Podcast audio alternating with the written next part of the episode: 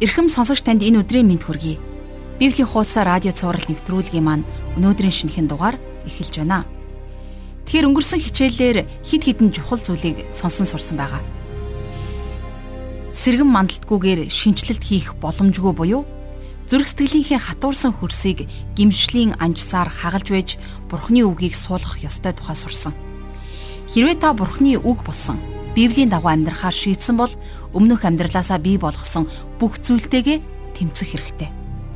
Та Бурхны таалдаггүй мууг эргэлхийлээд байвал Өө Бурхан намайг уучилдаг юм чинь гэд Бурхны зөвийн замаас татгалзах юм бол эцэст нь Бурхан таныг үл тоох болно гэдгийг хамтдаа сурсан байгаа. Тэгвэл өнөөдрийн хичээлээр Бурхан хүмүүсийг гаднаа итгэгч дүр гаргаж байна уу? Цулаанд явж байна уу гэдгийг нь биш. Харин тэдний амьдралд өөрчлөлт байна уу? Үр жимс байна уу гэдгийг харж байдаг тухай үзэх болно. Бид өөрсдийн хүч чадал, эрдэм мэдлэгээр биш, харин Бурхныг мэдэх мэдлэгээр л сайрхах учиртай юм. Ингээд хамтдаа шинэхэн хичээлдээ орхоос өмнө энэ цагийг Бурханд өргөж хамтдаа залбирая. Бурхан эзэн минь, энэ өдөр бид таны өмнө ирээд залбирэн гуйж байна. Та биднийг ивэж энэ өдөр бидэнд өөрийн амьд ариун үгээ өгөөрэй. Бид гаднаа зөв гаднаа ариун, гаднаа итгэлтэй дүр эсгсэн ч гэсэн амьдрал дээрээ өөрчлөлтгүй үржимсгүй байхаас биднийг хамгаалж өгөөрэй. Их эзэн минь, та өөрийн үгээрээ бидний амь амьдралыг удирдан чиглүүлж өгөөч. Энэ цагт хилэгдэх үгэ та ариун сүнсээрээ дамжуулан бидний зүрх сэтгэлд арилшгүйгээр үлдээж өгөөрэй. Энэ цагийн эхнээс нь дуусах хүртэл бид таны моторт өргөж эзэн Есүсийн нэрээр залбирanгуйж байна. Амен. Ингээд хамтдаа жаргалах шиг хичээлд анхаарлаа хандуулцгаая.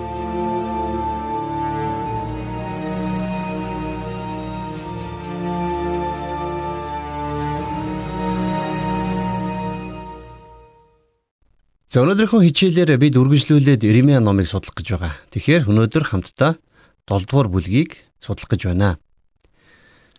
За энэ номын 2-оос 6 дугаар бүлэг дээрээс бид нар Иремьягийн үйлчлэлийн эхний 5 жилийн хугацаанд Бурханаас Иремьяд өгөгдсөн үгсийн талаар судалж үзсэн байгаа тийм ээ. Тэгэхээр хорхон настай залуухан иш үзүүлэгч Иремья өөрийнхөө ард түмнийг буруу шаан зэмлэж тэдний дээр ирэх шүүлтийг тунхагласан тэр бүх үгсийг тэрээр зоригтойгоор дамжуулсан байдаг. Харин өнөөдрөөс эхэлж бидний үзэх Ирмия номын 7-оос 10 дугаар бүлэг дээр бол залуу хаан Йосиягийн тушаалаар сүмийг цэвэрлэх тэр үед Бурхны хуулийн номыг олсноос хойших тэр үеийн иш үзүүлгийн үгсүүд гардаг. За Йосия хаан ард түмнийхээ төлөө маш их санаа зовж байсан.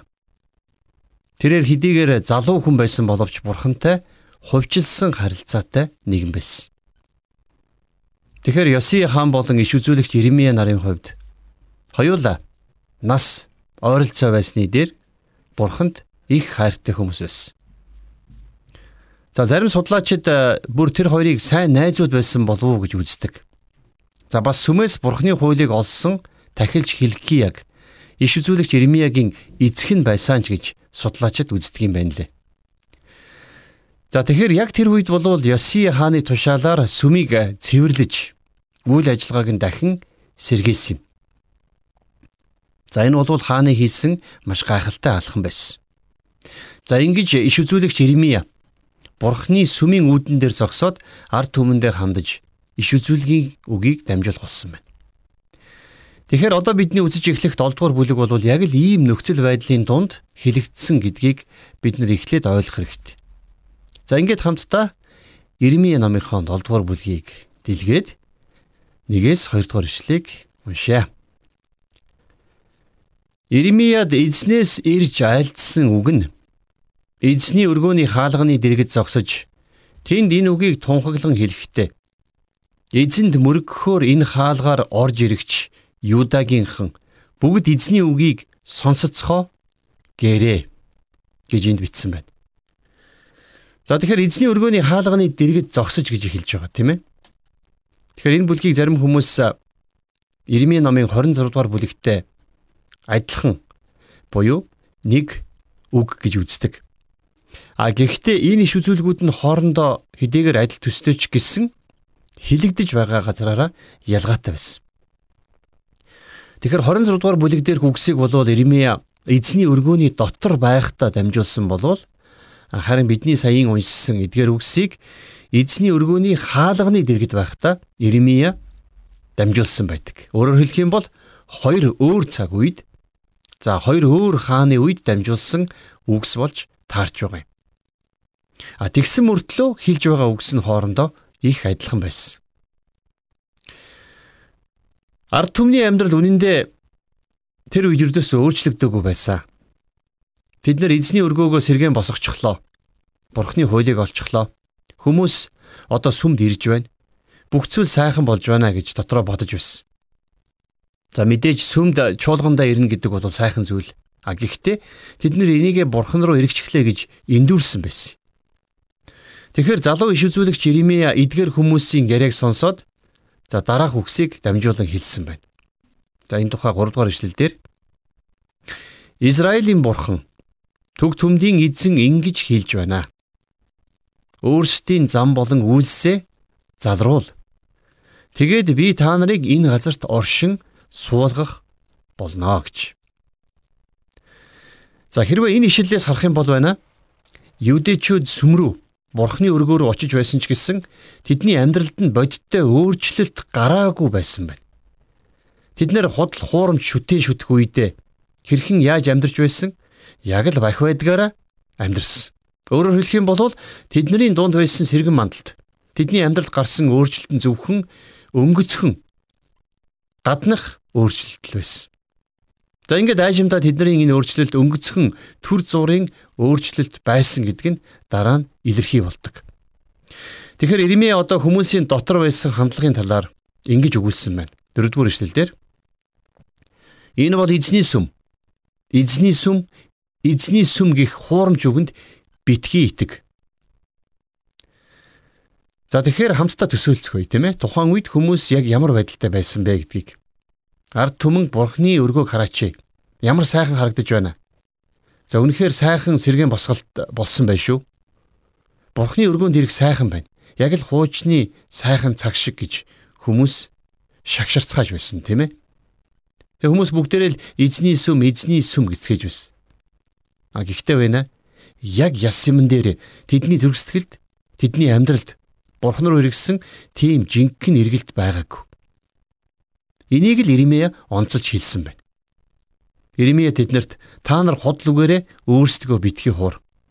Сүмд ирээд л бүх зүйл болчихдог юм шиг битгий эндүрцгээгээд бай гэж хатуу хэлсэн байна. За хэрвээ бид нэр 2 дугаар шаштар номыг дэлгээд за 34-өөс 35 дугаар бүлгийг харах юм бол бид нар яг тухайн үеийн түүхийг бол маш тодорхой харж болно. За юу вэ гэхлээр зэрэг дахилж Хилкия хуулийн номыг олоод хаанд уншуулахаар гүүш Шафан гэгч хүнд өгсөн байна.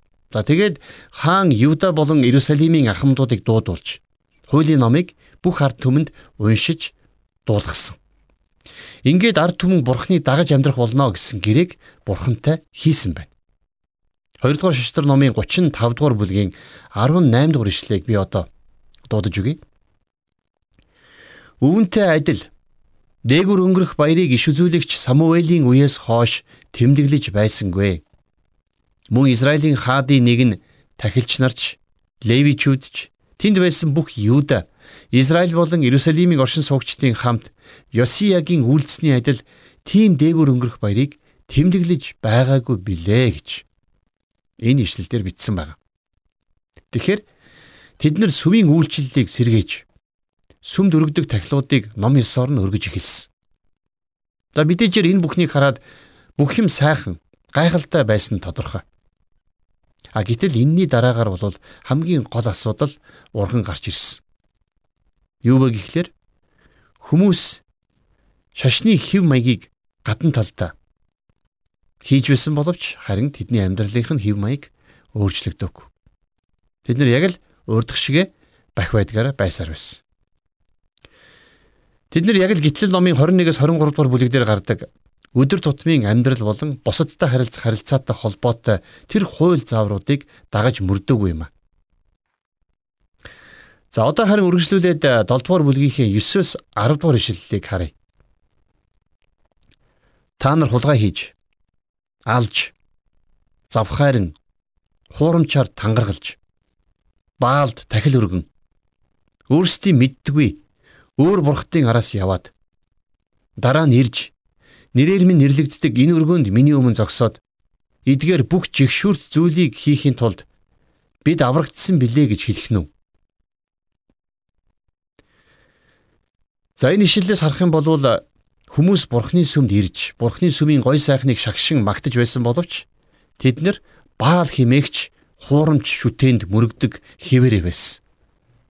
Бурхны сүмийг сэргээж амралтын өдрөөр сүмд очиж байгаа юм чинь бурхан биднийг ивэж хамгаална гэж тэд нэр эндүрч байсан. За мэдээж зарим хүмүүс бурхны өмнө үнэн зүрх сэтгэлээр мэдээж ирж байсан тийм ээ. Өөрлөн чин сэтгэлээсээ эргэсэн хүнийг бурхан үргэлж өмгөөлж хамгаалдаг. А гэхдээ энэ удаад бол евдээчүүд бурхан руу үннээр эргээгүй.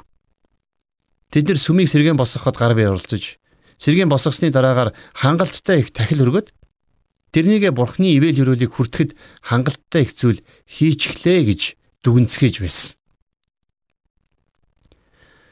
Тэгэхээр өнөөдрийн итгэгч та бидний дүр зургийг Ирмие ном ямар ч номноос илүү тод томруунаар харуулж өгдөг юм шиг надад ягаад ч юм санагддгийг. Том том цуглаанууд байгуулагдаад итгэгчид олноороо цуглараад олноороо цуглаан хийгээд байхаар л бүх зүйл сайхан болоод байгаа юм шиг бид нар эндүрдгийг. Та бид нар ихэнхдээ материалын хөгжлийг сүнслэг хөгжилтөд эндүрч байдаг. Иремье чухамдаа яг л энийг хэлсэн юм а. А тэгээд цааш нь Ирмэ бүрч ноцтой юм ярьсан. За тэгээд яг энэ үгсийг болвол хожим нь Есүс эзэн бас иш татан хэлсэн байдаг. Хамтдаа одоо 7 дугаар бүлгийн 11 дугаар ишлэлд анхаарлаа хандуулан уншицгаая. Нэрээр минь нэрлэгддэг энэ өргөө та нарын нүдэнд дээрэмчдийн үүр болсон уу? Үзэгтэн би би хүртэл харсан юм гэж эзэн тунхаглаж байна. Эзэн Есүс бас нэгэн цагт сүм цэвэрлэх үедээ яг ингэж хэлж байсныг та мэдээж санаж байгаа хаа. За тэгвэл Иремьяч гэсэн бас тэднийг дээрэмчдийн үүр болгосон байна гэж зэмлсэн байна. За яагаад гэхээр тэд нэр 7 хоногийн бусад өдөр ах дүүсээ дээрэмд нь тонож харин амралтын өдөр юу ч болоогүй юм шиг сүмд ирцгээдэг байсан. Тэгэхээр тэд нэр өнгөн дээрээ сүмд ирж байсан ч гэсэн тэдний ажил амьдрал бусадтай харилцах харилцаанд ямар ч өөрчлөлт гараагүй юм а. Өнөөдөр ч гэсэн олон хүмүүс олныг хамарсан ямарваа нэгэн хөдөлгөөнийг сэргэн мандалт гэж нэрлэж гээд байдаг. Зарим хүмүүст магадгүй энэ таалагддаг л баг. Харин надад бол үгүй. Яагаад гэвэл ямар нэгэн хөдөлгөөн олныг хамраад ирэхээрээ л Бурхны сүнс ажиллаж байгаа юм шиг зарим хүмүүс эндүрдэг юм. За магадгүй ингэж хэллээгээд би Иремьян шиг ад үзэгдэж магадгүй. Гэхдээ жинхэнэ сэргэн мандалд хизээ хаана яаж явагдаж байдгүй гэхлээр хаана хүмүүсийн амьдрал өөрчлөгдөж байна. Тэнд жинхэнэ сэргэн мандалд явагдаж байдгийг. За жишээлх юм бол Англид өрнөсөн Веслигийн хөдөлгөөнийг бүгдээрээ эргээд санацгаая л д. Тэгэхээр Веслигийн хөдөлгөөн бол маш олон хүмүүсийн амьдралыг өөрчилсөн хөдөлгөөн. Анхамдаа бол энэ зөвхөн Англи дахь архины үйлдвэрлэл хавтгай харигдалтыг эсэргүүцсэн хөдөлгөөн байсан. А энэ хөдөлгөөний үр дүнд үйлдвэрүүд дэх ажлын байрны нөхцөл байдлууд өөрчлөгдөж за тэгээд хүүхдийг хүнд хүчээр ажилд дайжлахын эсрэг хуулийн хүртэл батлуулсан байдгийг. Энэ бол мэдээж хүмүүсийн амьдралд хүрч чадсан сүнслэг хөдөлгөөн байсан. Тэгэхээр та бидний хүсэл болвол үнэхээр энэ нийгэмд бидний амьдарч байгаа энэ улс үндэстэнд хүрч чадсан тийм сүнслэг хөдөлгөөн өрнөөсөө гэж бид нэр залбирах хэрэгтэй. За бидэнд бол үнэхээр жинхэнэ сэргэн мандал хэрэгтэй байна. Энэ жинхэнэ сүнслэг сэргэн мандалтал хүмүүсийн амьдралыг өөрчилнө. Энэ нийгмийг өөрчилнө. Тухайн үед Иремья ийм л зүйлийг тунх гэлж байсан. Хэрвээ Иремья эннээс арай өөр чихэн чимэгтэй чих гижигдсэн сайхан үгийг тэдэнд тулгсан байсан бол Иремья магадгүй ямар амархан ард түмнийхээ баатар нь болох байсан бол ямар амархан олны хайр хүндэтгэлийг татах байсан бол гээ та бодоод үзээрэй. Харин Иремья тэр замыг сонгоогүй. Иремья Бурхны үгийг яг байгаагаар нь л дамжуулсан байна. За хамтдаа одоо 7 дугаар бүлгийн 16 дугаар ишлэлийг харъя. Чиний хувьд энэ ард түмний төлөө битгий залбир. Тэдний төлөө хашгиралт, залбирлыг битгий өрг. Надад зуучлан битгий залбир. Учир нь би чамайг сонсохгүй гэж энд бичсэн байна. За их сонирхолтой. Яагаад гэхээр бурхан энд Энэ хүмүүс над руу дуулууртайгаар эргэх хүртэл чи эднэрийн төлөө битгий зуучлан залбираа гэж Иремияд хэлсэн байна, тийм ээ. Энд маш тодорхойгоор энэ хүмүүсийн төлөө залбираад нэмэргүй гэж хэлсэн. Яагад гэхлээр энэ улс үндэстэн бурхнаас дэндүү хол явчихсан байсан. Тэгээд тэд нар хэрвээ бурхан руу ирэхгүй юм бол тэднэрт өөрт нь ямар ч найдвар байхгүй юма гэдгийг бурхан хэлсэн байна. Өнөөдөр заримдаа бидний хувьд ч гэсэн бас ийм тохиолдол тулгардаг байхаа гэж би хувьдаа боддог. Бурханд огт итгэдэггүй хэрнээ заримдаа миний төлөө залбираарай гэж хэлдэг хүмүүс байдаг шүү дээ. Тийм хүмүүст яаж тайлбарлаж хэлээд Бурхныг хүлээж авдаггүй. Тэгсэн мөртлөө миний эрүүл мэндийн төлөө, миний ажил төрлийн төлөө залбирч өгөөрэй гэж захидаг. Тэгэхээр ийм хүмүүсийн төлөө болвол бид нэр залбирах та. Бурхны ивэл хөрөлийг гой залбирахаас илүүтэйгээр Бурхныг хүлээн авч авралыг аваасаа гэж залбирах хэрэгтэй. За тэгвэл чухамдаа яг л ийм зүйлийг бурхан Иремяд хэлээд байгаамаа. Энэ хүмүүсийг цөллөгт битгий явуулаач гэж надаас битгий гуугаар. Харин над руу эргээсэй гэж гуйн залбир гэж бурхан Иремяд хэлсэн байна. Тэднэрт миний үгийг дамжуул. Энэ бол хамгийн чухал ажил гэж бурхан хэлсэн байна. Бурхан энд маш ажил хэрэгч хандаж байгааг бид сая харлаа тийм ээ. Тэгэхээр бурхан та биднийг ням гариг болгон цуглаанда явж байна уу үгүй юу гэдгээс илүүтэйгээр даваа гарагт ямар зан ааш ямар үйлдэл гаргаж байгааг илүү сонирхдаг юм шүү. Итгэгч хүнийг жинхэнэ итгэгч мөн эсхийг бид нар харахтаа ням гарагийн цуглаан дээр биш харин даваа гарагт ажил дээр байхад нь л харах хэрэгтэй. За үргэлжлүүлээд 23 дугаар эшлэл дээр харин миний тэдэн тушаан хэлсэн нь дуу хоолойг минь дагахтун. Тэгээд би та нарын бурхан болж та нар хүмүүс минь болно. Миний та нарт тушаасан бүх замаар алах. Тэгвэл та нарт л сайн байх болно гэсэн байна. За энд дахиад бурхан маш тодорхой. Тэднээс дуулууртай байдлыг шаардж байгаагаа хэлсэн. Тэгэхээр сүмд явна гэдэг бол сайхан зүйл ээ. А гэхдээ дуулууртай байна гэдэг бол эннээс ч илүү чухал шүү гэдгийг бурхан тэдэнд хэлсэн байна, тийм ээ. Зарим хүмүүс цуглаанд ирэхдээ бурханд хүндэтгэл мөргөл өргөхөөс тис өөр зорилгоор ирдэг. Амьдралд нь ямар ч өөрчлөлт байдаггүй. Ховжив ярьж, бусдыг араар нь муулж. За яг л итгэгч болохоос өмнө ямар амьдарч байсан, яг л тэр байдлаараа амьдарсаар байдаг. Яг л Ирмиягийн хэлсэн шиг тийм ээ. За юудэчүүд бурхны өргөөнд ирдэг хэрнээ цаагаараа баал химэх хуурамч шүтээнд мөргөж байсан. Цуглаанд явснараа бид нэр гэрчлэл болж чадна. Гэхдээ энээс илүүтэйгээр амьдралаараа харуулах тэр гэрчлэл чухал юм аа. Энэ л хамгийн чухал, хамгийн онцгой, оновчтой гэрчлэл. За одоо үргэлжлүүлээд 26-аас 27 дугаар ишлэгийг харъя. Гэтэл тэд намайг сонссонгүй. Чих тавьсан ч үгүй. Харин хүзүү хөшүүн загнав. Тэд эцэг өвгдөөсөө илүү муу муухайг үлджээ. Чи эдгээр бүх үгийг тэдэнд хэлэх боловч тэд чамайг сонсохгүй. Чи тэднийг дуудах боловч тэд чамд хариулахгүй гэсэн байна. За Иремягийн үгийг сонсоод бурхан руу эргэсэн хүмүүс нэг ч байгаагүй юм байна. Үг болгоно нь тэдний чихний хажуугаар өнгөрч байсан. Гэхдээ Иремягийн хувьд энэ нь чухал байгаагүй. Яг үг гэхээр бурхан Иремияд үгээ өгсөн. Иремия тэр л үгийг дамжуулах үүрэгтэй байсан сонсноо сонсохгүй байна уу хамаагүй. Иремья тэр үгийг л дамжуулсан. Тэгэхээр та бидний хэлж байгаа үгийг бусд нь сонсож дагаж байгаа эсэх нь тийм ч чухал биш байна. Харин бид нар Бурхны үгийг дамжуулж тэр үгийнхээ дагуу өөрсдөө итгэмжтэйгээр амьдрах нь хамгийн чухал. За 29 дугаар ишлэлдэр үсээ тайрч хаяад нүцгэн дов толгод дээр гашууд Учир нь түүний хилэн өдөөсөн энэ үеийнхнийг эзэн голж орхисон гэж энд бичсэн байна.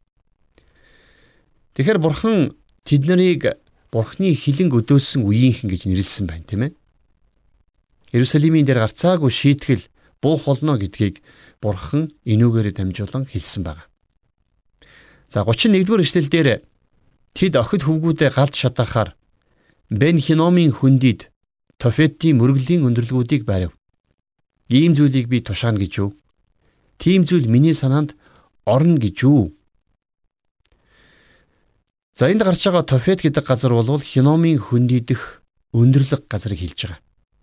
За энэ Тофет гэгч энэ газарт хүмүүс Молох бурхны хөшөөний улайсгсан гуйлан дээр бяцхан хүүхдүүдэд шатааж тахил өргөдөг байсан.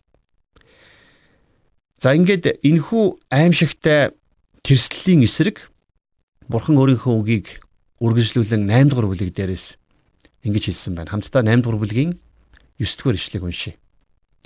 Мэргэн хүмүүс ичхүүр болж зүрх алдан баригджээ. Үзэгтэн тэд эзний үгийг эсэргүүцсэн бөгөөд тэд ямар янзын мэрэгэн ухаантай билээ. За тэгэхээр зэрэг тухайн үед амьдарч байсан евдичүүдийн хувьд хамгийн том гим нүгэл бол Бурхны үгийг үл тоосон явдал байсан. Хүмүүс амьдрал авах болж байна. Ажил төрөл бүтэж байна гэж тайвшрах үедээ өөрсдийгөө бурхны өмнө ямар буруу замаар амьдарч байгаагаа тэр болгон анзаардаггүй юм. Хүмүүсийн гадна тохиолдож байгаа зүйл биш. Харин тэдний дотор болж байгаа тэр зүйлс л хамгийн чухал байдгаа гэдгийг бид нэр хизээш мартаж болохгүй. Иремиягийн хувьд ард түмний чин сэтгэлээс хайрлж байсан. За ингээд дараах байдлаар дотоод сэтгэлээ ингэж илэрхийлсэн байна. Хамтдаа 8 дугаар бүлгийн 20-оос 22 дугаар ишлэгийг одоо харъя. Ургац хураалт өнгөрч зун дууссан бөгөөд бид аврагдаагүй байна. Ард түмний минь охины бэртэл намайг бэртэв. Би гашуудаж айдас намайг нөмрөв. Гилеядад ямар ч гавар байхгүй гэж юу? Тэнд ямар ч эмч байхгүй гэж юу? Тэгвэл яагаад миний ард түмний охин эдгэрсэнгүү вэ? За энэ ишлээс харах юм бол бурхан хэдийгээр тэднэрт хангалттай ихийг хангаж өгсөн ч гэсэн тэд нар бурхан руу ирэхээс татгалцсан. За ингээд энэхүү яриа цаашаага 9 дугаар бүлэг рүү дамжин өрнөдөг. Хамтдаа Ирмие номын 9 дугаар бүлэгдэр бурхны тэр их хайр өршөөлийг үл тоож байгаа ард түмнийг харахтаа Ирмие хэрхэн шаналн гашуудсан тухайга өгүүлсэнийг хамтдаа үзье. За 9 дугаар бүлгийн 1 дугаар эшлэлдэр ард түмнийхээ охины алдагсдын төлөө өдөр шүнгүй би ойлгосон. Толгой минь ус нүд минь нулимсны ундраг байсан ч болоосай. Ирмигийн дотор чухам яг ямар гаслал гашуудал төрж байсныг бид саяын ишлэлээс бэлхний харж болохоор байна тийм ээ.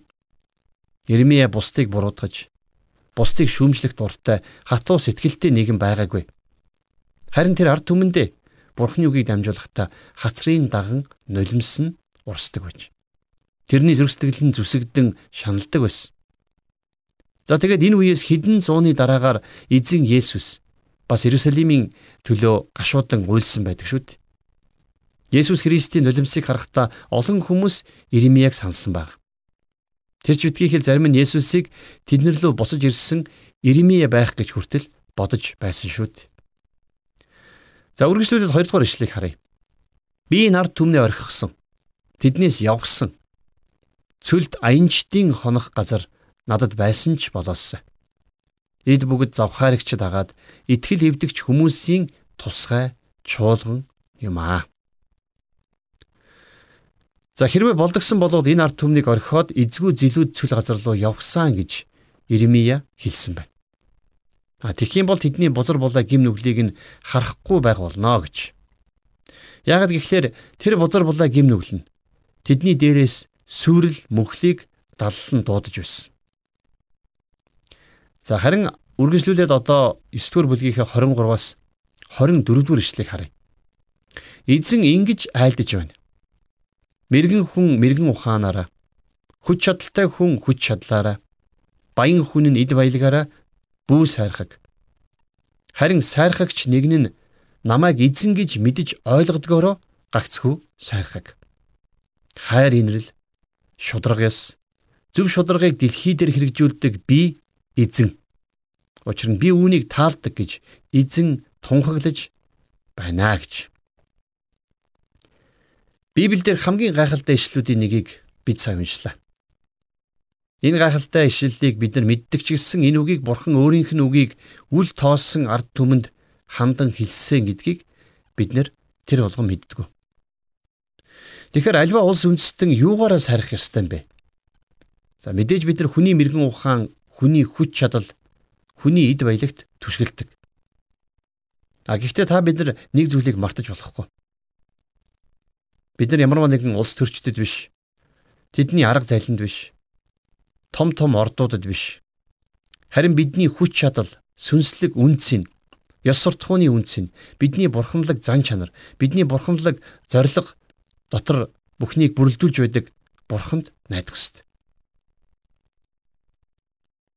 Тийм учраас бурхан юу гэж хэлсэн гэхлээр харин сайрхагч нэг нь намайг эзэн гэж мэдэж ойлгодгоороо л сайрхаг гэж хэлсэн юм. Өнөөдөр та бидэнд үнэхээр бурханлаг манлайлагчд хэрэгтэй байна. Зүгээр л өөрийнхөө хар ухаан, өөрийнхөө арга залинд найддаг тийм удирдагчд биш, харин бурхны үгийг мэддэг, бурхны үгийг дагдаг, бурхныг мэддэг удирдагчд хэрэгтэй байна. Бидний улс үндэстний дээр байгаа хамгийн чухал хэрэгцээ бол амьд бурхан руу эргэх тэр эргэлт юм шүү дээ. Бид өөрсдийнхөө хоёр нүрийг хойш нь хаяж, ухаалаг хүмүүс шиг загнахаа болж Зүгээр л Бурхны үгийг байгаагаар нь дамжуулдаг байх хэрэгтэй. Та бид нар өөрсдийнхөө амжилт, мэрэгэн ухаан, хүч чадал, эд баялгаар сайрхах биш. Харин Бурхныг алдаршуулах, тэр замаар алхах, тийм л амьдралаараа сайрхаж амьдрах учиртай юм шүү. Энэ бол гарцаагүй та бидний амьдралаас үн цэнийн эргэлтийг шаардах болно.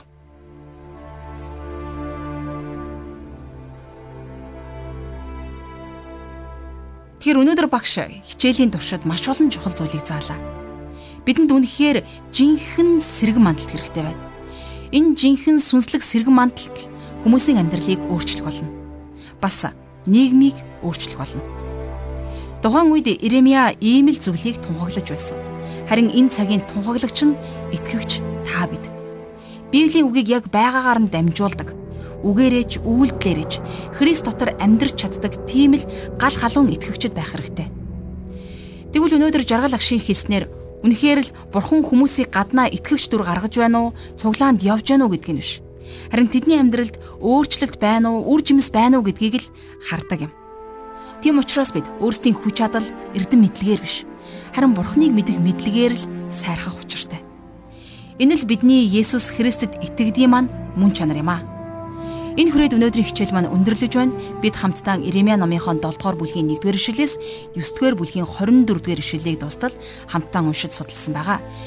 Ингээд бурхнаас авсан үг ивэл өрөөлийнхаа төлөө талархаж эзэнд залбирая. Бурхан эцэг минь таньдаа талархал магтаалыг өргөн залбирч байна. Үнэхээр таны үгэнд бичигдсэнчлэн бид танаар сайрхаж амьдрахын тулд бидэнд өөрийгөө илчлэн харуулаарай. Тэмээ их эзэн минь өдөр болгон бидэнд өөрийн амьд ариун үгээ өгч бидний амьдралыг хөтлөн дагуулаарай. Бид хоёр нүртэй биш, харин жинхэнэ итгэлийн амьдралаар амьдрч, жинхэнэ итгэлийн замаар алхахад бидэнд туслаарай. Ариун сүнсээрээ биднийг удирдан дагуулж, мах биеийн үйлсээ өхүүлж, өдөр бүр сүнсээр хөтлүүлэн амьдрахад бидэнд туслаж өгөөрэй. Эзэн бурхан минь, итгэлийн амьдралаа бид оюун бодлоо зүрх сэтгэлээ таны моторт өргөж, эзэн Есүсийн нэрээр залбирanгуйж байна. Амен.